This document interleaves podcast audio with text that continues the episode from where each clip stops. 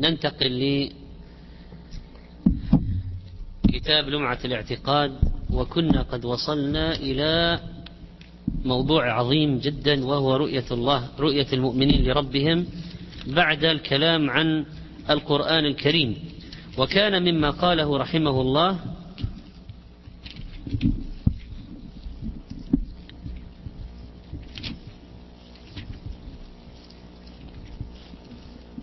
في القرآن قال وهذا هو الكتاب العربي الذي قال فيه الذين كفروا لنؤمن بهذا القرآن وقال بعضهم إن هذا إلا قول البشر فقال الله سبحانه سأصليه سقر وقال بعضهم هو شعر فقال الله تعالى وما علمناه الشعر وما ينبغي له إن هو إلا ذكر وقرآن مبين فلما نفى الله عنه أنه شعر وأثبته قرآنا لم يبق شبهة لذي لب في أن القرآن هو هذا الكتاب العربي الذي هو كلمات وحروف وآيات لأن ما ليس كذلك لا يقول أحد إنه شعر. وقال عز وجل وإن كنتم في ريب مما نزلنا على عبدنا فأتوا بسورة من مثله وادعوا شهداءكم من دون الله ولا يجوز أن يتحداهم بالإتيان بمثل ما لا يدرى ما هو ولا يعقل وقال تعالى وإذا تتلى عليهم آياتنا بينات قال الذين لا يرجون لقاء نأتي بقرآن غير هذا أو بدله قل ما يكون لي أن أبدله من تلقاء نفسي فأثبت أن القرآن هو الآيات التي تتلى عليهم. وقال تعالى إنه لقرآن كريم في كتاب مكنون لا يمسه إلا المطهرون. بعد أن أقسم على ذلك وقال تعالى كاف ها يا عين صاد حا ميم عين سين قاف. وافتتح تسعا وعشرين سورة بالحروف المقطعة. وقال النبي صلى الله عليه وسلم من قرأ القرآن فأعربه فله بكل حرف منه عشر حسنات ومن قرأه ولحن فيه فله بكل حرف حسنة. قال حديث صحيح لكنه في الحقيقة حديث ضعيف جدا لأن فيه نهشل بن سعيد بن وردان وهو رجل متروك وقد كذبه إسحاق بن راهويه وقال عليه الصلاة والسلام اقرأوا القرآن قبل أن يأتي قوم يقيمون حروفه إقامة السهم لا يجاوز تراقيهم يتعجلون أجره ولا يتأجلونه. وهو حديث في إسناده ضعف لكن له شواهد يتقوى بها فلذلك صححه الألباني رحمه الله في السلسلة. وقال أبو بكر وعمر رضي الله عنهما إعراب القرآن أحب إلينا من حفظ بعض حروفه وهو أثر ضعيف جدا أيضا لكن هذا لا يعني التقليل من أهمية إعراب القرآن. لأن إعراب القرآن يفيد جدا في معرفة معانيه. وقال علي رضي الله عنه من كفر بحرف منه فقد كفر به كل فقد كفر به كله واتفق وقد كفر به كله واتفق المسلمون على عد سور القرآن وآياته وكلماته وحروفه. فهذا القرآن في 114 سورة و6236 آية وما يقرب من ثلث مليون حرف. هذا لو أن الإنسان يعني قرأ كل حرف عشر حسنات كم يكون المجموع؟ ولا خلاف بين المسلمين في أن من جحد من القرآن سورة أو آية أو كلمة أو حرفا متفقا عليه أنه كافر. وفي هذا حجة قاطعة على أنه حروف. وقد سبقت الإشارة إلى شرح هذا وتبيين أشياء من إعجاز القرآن الكريم وأن إثبات أنه كلام الله حرفا وصوتا. قال رحمه الله فصل رؤية المؤمنين لربهم يوم القيامة والمؤمنون يرون ربهم في الآخرة بأبصارهم ويزورونه ويكلمهم ويكلمونه. قال الله تعالى وجوه يومئذ ناظرة إلى ربها ناظرة. وقال تعالى كلا إنهم عن ربهم يومئذ لمحجوبون. فلما حجب أولئك في حال السخط دل على أن المؤمنين يرونه في حال الرضا. وإلا لم يكن بينهما فرق. وقال النبي صلى الله عليه وسلم إنكم ترون ربكم كما ترون هذا القمر لا تضامون في رؤيته. حديث صحيح متفق عليه. وهذا تشبيه للرؤية بالرؤية لا للمرء بالمرء. يعني لما قال كما ترون هذا القمر ليس أنه نشبه الله بالقمر لا. وإنما نشبه الرؤية بالرؤية يعني في الوضوح الرؤية بالرؤية. وأن حقيقة إن تشبيه الحقيقة بالحقيقة. كما نرى القمر حقيقة سنرى الله حقيقة. تشبيه الحقيقة بالحقيقة ليس المرء بالمرء. فإن الله تعالى لا شبيه له ولا نظير.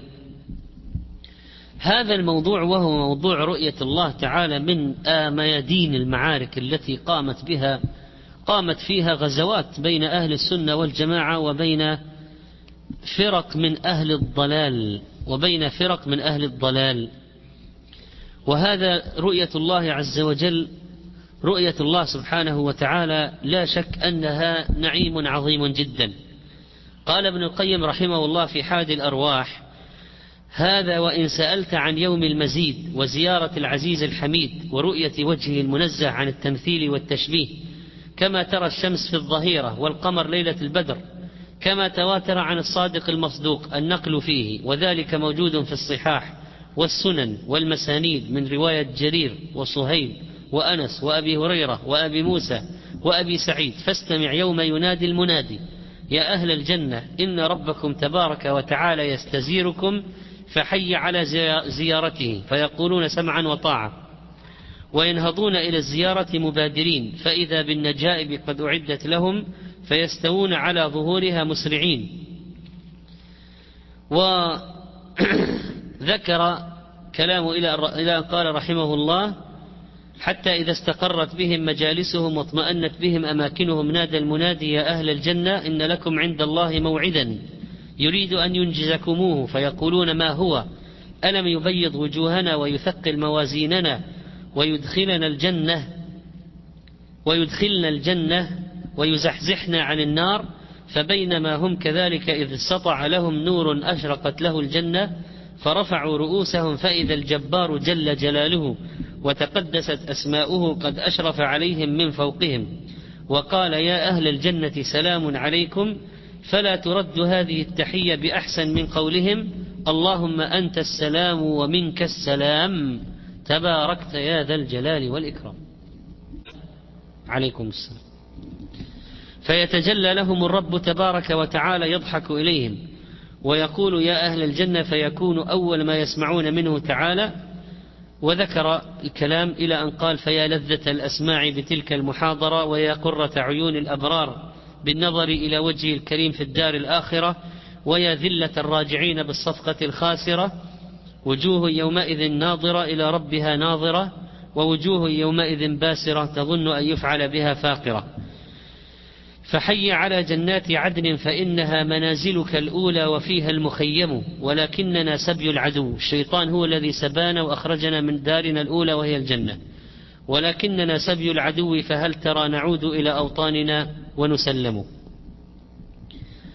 وهذه المسألة مسألة مسألة النظر إلى وجه الله عز وجل من المسائل العظيمة جليلة القدر عظيمة الخطر وقد أقرها أهل السنة والجماعة ومرق فيها أهل البدعة والفرقة فإن النظر إلى وجه الله هي الغاية التي شمر إليها المشمرون وتنافس فيها المتنافسون وتسابق إليها المتسابقون ولمثلها فليعمل العاملون.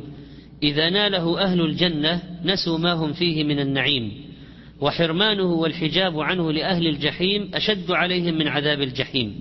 اتفق عليها الأنبياء والمرسلون وجميع الصحابة والتابعون وأئمة الإسلام على تتابع القرون وأنكرها أهل البدع المارقون والجهمية المتهوكون والفرعونية المعطلون والباطنية الذين هم من أديانهم من جميع الأديان منسلخون والرافضة الذين هم بحبائل الشيطان متمسكون ومن حبل الله منقطعون. وعلى مسبة أصحاب رسول الله صلى الله عليه وسلم عاكفون وللسنة وأهلها محاربون ولكن ولكل عدو لله ورسوله ودينه مسالمون. وكل هؤلاء عن ربهم محجوبون وعن بابه مطرودون. أولئك, أولئك أحزاب الضلال وشيعة اللعين وأعداء الرسول وحزبه. أولئك أحزاب الضلال أو أولئك أحزاب الضلال. أولئك أحزاب الضلال وشيعة اللعين وأعداء الرسول وحزبه. كأنه يتكلم عن هذا الواقع الذين يسمون أنفسهم بحزب الله. فأفضل نعيم أهل الجنة رؤية وجهه تبارك وتعالى وتكليمه لهم فإنكار ذلك إنكار لروح, لروح, لروح الجنة وأعلى نعيمها وأفضله الذي ما طابت لأهلها إلا به والله المستعان. لقد دلت الأدلة من القرآن والسنة على رؤية الله تعالى ومن ذلك قول الله عز وجل وجوه يومئذ ناظرة إلى ربها ناظرة. أجمع أهل التفسير قاطبة على أنها الرؤية البصرية لأنه نظر عدي بإلى فعل نظر إذا عدي بإلى وأضيف إلى الوجه إلى ربها ناظر إلى نظر إلى. فإن هذا لا يحتمل إلا الرؤية البصرية. و إلى ربها ناظرة فسره ابن عباس تنظر إلى وجه ربها. تنظر إلى وجه ربها. وكذلك الحسن قال تنظر إلى الخالق. وقال عكرمة تنظر نظرا. يعني إذا شيء حقيقي. وكذلك قوله تعالى للذين أحسنوا الحسنى وزيادة. والحسنى الجنة والزيادة قيل مضاعفة الحسنات وقيل إنها النظر إلى وجه الله الكريم وهو بيت القصيد وهو أرجح الأقوال لأنه تفسير النبي صلى الله عليه وسلم. كما جاء في صحيح مسلم عن صهيب أن النبي عليه الصلاة والسلام قال يقول تبارك وتعالى تريدون شيئا أزيدكم؟ فيقولون ألم تبيض وجوهنا؟ ألم تدخلنا الجنة وتنجنا من النار؟ فإذا ماذا قال؟ أزيدكم. تريدون شيئا أزيدكم. فيكشف الحجاب فما أعطوا شيئا أحب إليهم من النظر إلى ربهم عز وجل. وثم تلا هذه الآية للذين أحسنوا الحسنى وزيادة. فالزيادة هي الرؤية. هذا تفسير النبي عليه الصلاة والسلام. فينسيهم نظر إلى وجه ربهم كل نعيم آخر في الجنة. ينسيهم كل نعيم آخر في الجنة. فسر الزيادة بالنظر إلى وجه الرب كذلك أبو بكر وسعد وحذيفة وموسى رضي الله عنهم والحسن وقتادة. وقوله تعالى كلا إنهم عن ربهم يومئذ لمحجوبون قال الإمام مالك لما حجب أعداءه تجلى لأوليائه قال الشافعي لما حجب قوما بالسخط دل على أن قوما يرونه بالرضا وهكذا. وفسر بعض قول الله تعالى لهم ما يشاءون فيها ولدينا مزيد. فسروا المزيد بالنظر إلى وجه الله كما جاء عن الصديق وعلي وأنس وجابر رضي الله عنهم. ولذلك قال ابن القيم رحمه الله وهو المزيد كذاك فسره أبو بكر هو الصديق ذو الإتقان. وعليه أصحاب الرسول وتابعوهم بعدهم تبعية الإحسان. وكذلك ذهب عدد من العلماء إلى أن آيات اللقاء تدل على النظر إلى وجه الله الذين يظنون أنهم ملاقوا ربهم بل هم بلقاء ربهم كافرون. تحيتهم يوم يلقونه سلام. أجمع أهل اللسان كما قال ابن القيم على أن اللقاء متى نسب إلى الحي السليم من العمى اقتضى المعاينة والرؤية. وقد أفرد الأئمة في مصنفاتهم كتبا لهجل هذا الموضوع كالرؤية للدار قطني والتصديق بالنظر للآجري وضوء الساري في, رؤي في, في معرفة رؤية الباري أو إلى معرفة رؤية الباري لأبي شهبة ورؤية الله لابن النحاس وابن القيم ساق الأدلة فيه وتوسع في حاد الأرواح وغيرهم من المتأخرين أيضا والنبي عليه الصلاة والسلام لما نظر إلى القمر ليلة البدر قال أما إنكم ستعرضون على ربكم عز وجل فترونه كما ترون هذا القمر لا تضامون أو لا تضامون في رؤيته. فلا تظلمون في رؤيته سترونه جميعا. ما أحد يظلم ما أحد يظلم في هذه الرؤية. وكذلك قال هل تضارون في رؤية القمر ليلة البدر؟ فإذا قال لا تضامون لا تضامون بفتح التاء ولا تضامون أيضا. الرواية الأخرى قالوا لا يا رسول الله قال فهل تضارون في الشمس ليس دونها سحاب؟ قالوا لا يا رسول الله قال فإنكم ترونه كذلك. وحديث عدي بن حاتم وليلقين الله أحدكم يوم يلقاه وليس بينه وبينه, وبينه حجاب ولا ترجمان. وجاء في حديث عمار بن ياسر أن النبي عليه الصلاة والسلام علمه سمعه سمع منه دعاء ومنه وأسألك قرة عين لا تنقطع وأسألك الرضا بعد القضاء وأسألك برد العيش بعد الموت وأسألك لذة النظر إلى وجهك والشوق إلى لقائك. وقال عليه الصلاة والسلام في الحديث الصحيح وإنكم لن تروا ربكم حتى تموتوا وإنكم لن تروا ربكم حتى تموتوا. إذا هذا دليل آخر على رؤية الله عز وجل. فإن قال قائل لماذا لا نراه نحن الآن في الدنيا؟ فالجواب عن هذا أننا طولبنا في هذه الحياة بإيمان غيبي. وقلنا لماذا لا نرى ملائكة؟ لماذا لا نرى أن نحس بعذاب القبر؟ لماذا؟ لماذا؟ لأنه لو حصل هذا انكشف الغيب لنا فاتت مصلحة كبيرة في امتحان العباد. فاتت مصلحة كبيرة في ابتلاء العباد وامتحانهم. يمتحنون. هل يؤمنون بالغيب أم لا؟ هل يؤمنون بالنظر أم لا يؤمنون أو يستبعدونه؟ فكيف يتميز المؤمن من الكافر والمؤمن من الشاك والمنافق؟ كيف إذا كان ما امتحنا في الإيمان بالغيب؟ ولا لو الآن يعني الناس يرون الله في الدنيا كان ممكن أحد يزيغ أو ينصرف إلى أي له؟ إذا واضح لماذا ابتلينا وامتحنا بالغيب بالغيب. ثم نحن خلقتنا الدنيوية أجسادنا حواسنا لا تؤهلنا لتحمل النظر إلى وجه الرب. عز وجل. فلا بد لنا من تكوين آخر وأجساد أخرى وتقوية تختلف عما نحن عليه الآن لنستطيع أن نراه.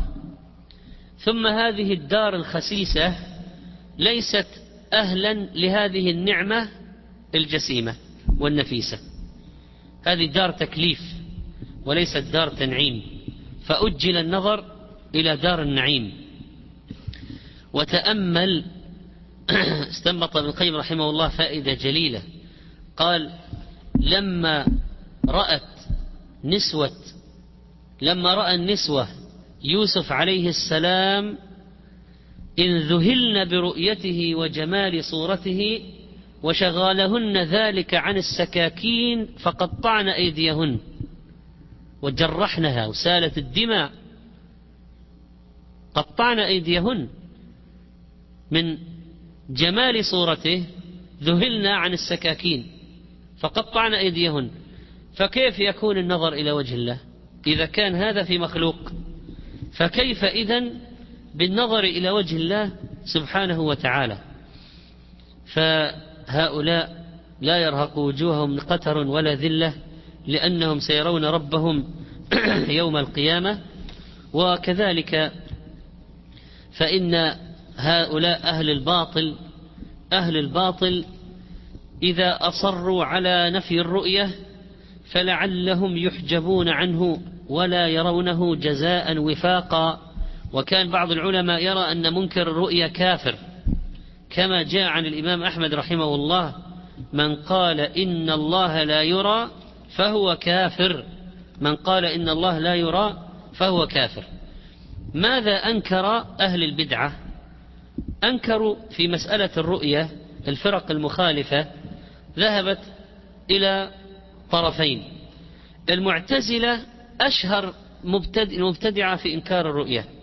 وكذلك الرافضة والإباضية تطور مذهبهم حتى استقر الآن مذهب أهل الرفض والإباضية على نفي الرؤية أيضا.